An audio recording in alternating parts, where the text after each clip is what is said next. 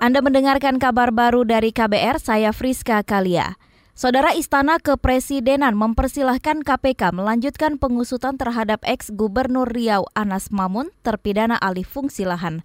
Anas mendapat gerasi atau pengurangan hukuman dari Presiden Joko Widodo karena alasan kemanusiaan. Juru bicara Kepresidenan Fajrul Rahman mengatakan Jokowi tetap menghormati proses hukum di KPK dan terus memantau perkembangan kasusnya. Karena kemarin kan pertimbangannya kan berdasarkan pertimbangan dari uh, Mahkamah Agung dan kemudian pertimbangan dari Menko Polhukam. Nah kalau ada perkembangan lebih lanjut nanti kita lihat apa yang dilakukan oleh KPK. Pak Jokowi akan selalu taat kepada hukum dan setia dalam upaya untuk menegakkan uh, semua aktivitas yang anti korupsi. Itu aja. Artinya ya. bisa dicabut lagi garasinya atau gimana? Kita akan melihat bagaimana perkembangannya.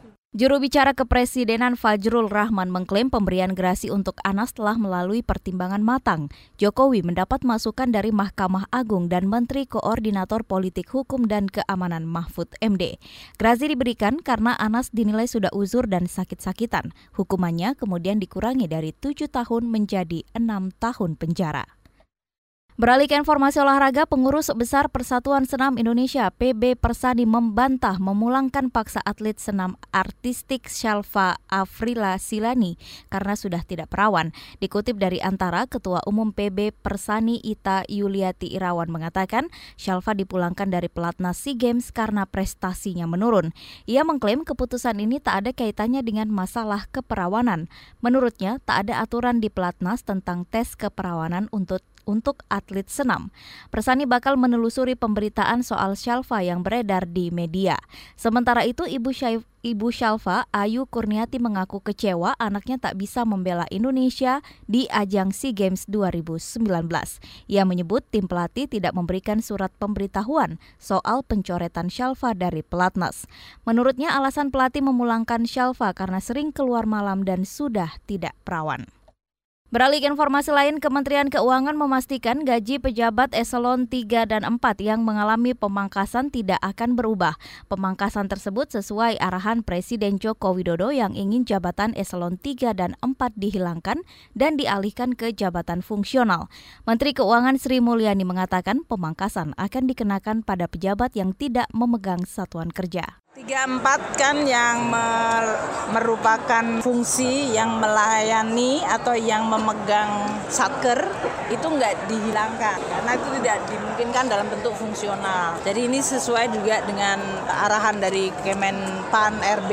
Jadi tidak seluruh eselon 3 dan 4 memang hilang tapi yang memang dia memiliki fungsi pelayanan dan satker dia masih akan dipertahankan. Gaji tidak berubah tapi mungkin fasilitasnya Menteri Keuangan Sri Mulyani mengakui eselon 3 dan 4 yang dialihkan ke jabatan administrasi dan fungsional akan mendapat fasilitas berbeda.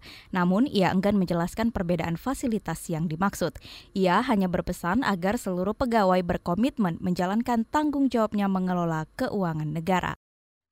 Beralih ke informasi berikutnya, banyak pemerintah daerah dinilai kurang serius dalam memberikan layanan akses air minum bersih bagi masyarakat. Hal ini mengacu pada data Badan Pusat Statistik atau BPS yang mencatat sekitar 12 persen rumah tangga belum memiliki akses air minum layak. Kasubdit Air Minum Bapenas Tirta Sutejo mengatakan tugas pemenuhan kebutuhan dasar seperti air bersih dan sanitasi kerap dikesampingkan. Pemda justru lebih tertarik pada pembangunan infrastruktur untuk menunjang bidang perekonomian. Pipaan masih yeah. ada yang pakai sumur juga. Kalau perpipaannya sendiri baru 20 persen. Itu di semua hampir semua provinsi. Hampir semua provinsi itu ada masih banyak masyarakat yang belum dapat layanan akses air minum. Sanitasi juga. Jadi belum ada yang 100% full dapat. Kasubdit Air Minum Bapenas Tirta Sutejo menambahkan sejumlah provinsi dengan akses air minum yang rendah berada di Indonesia bagian timur.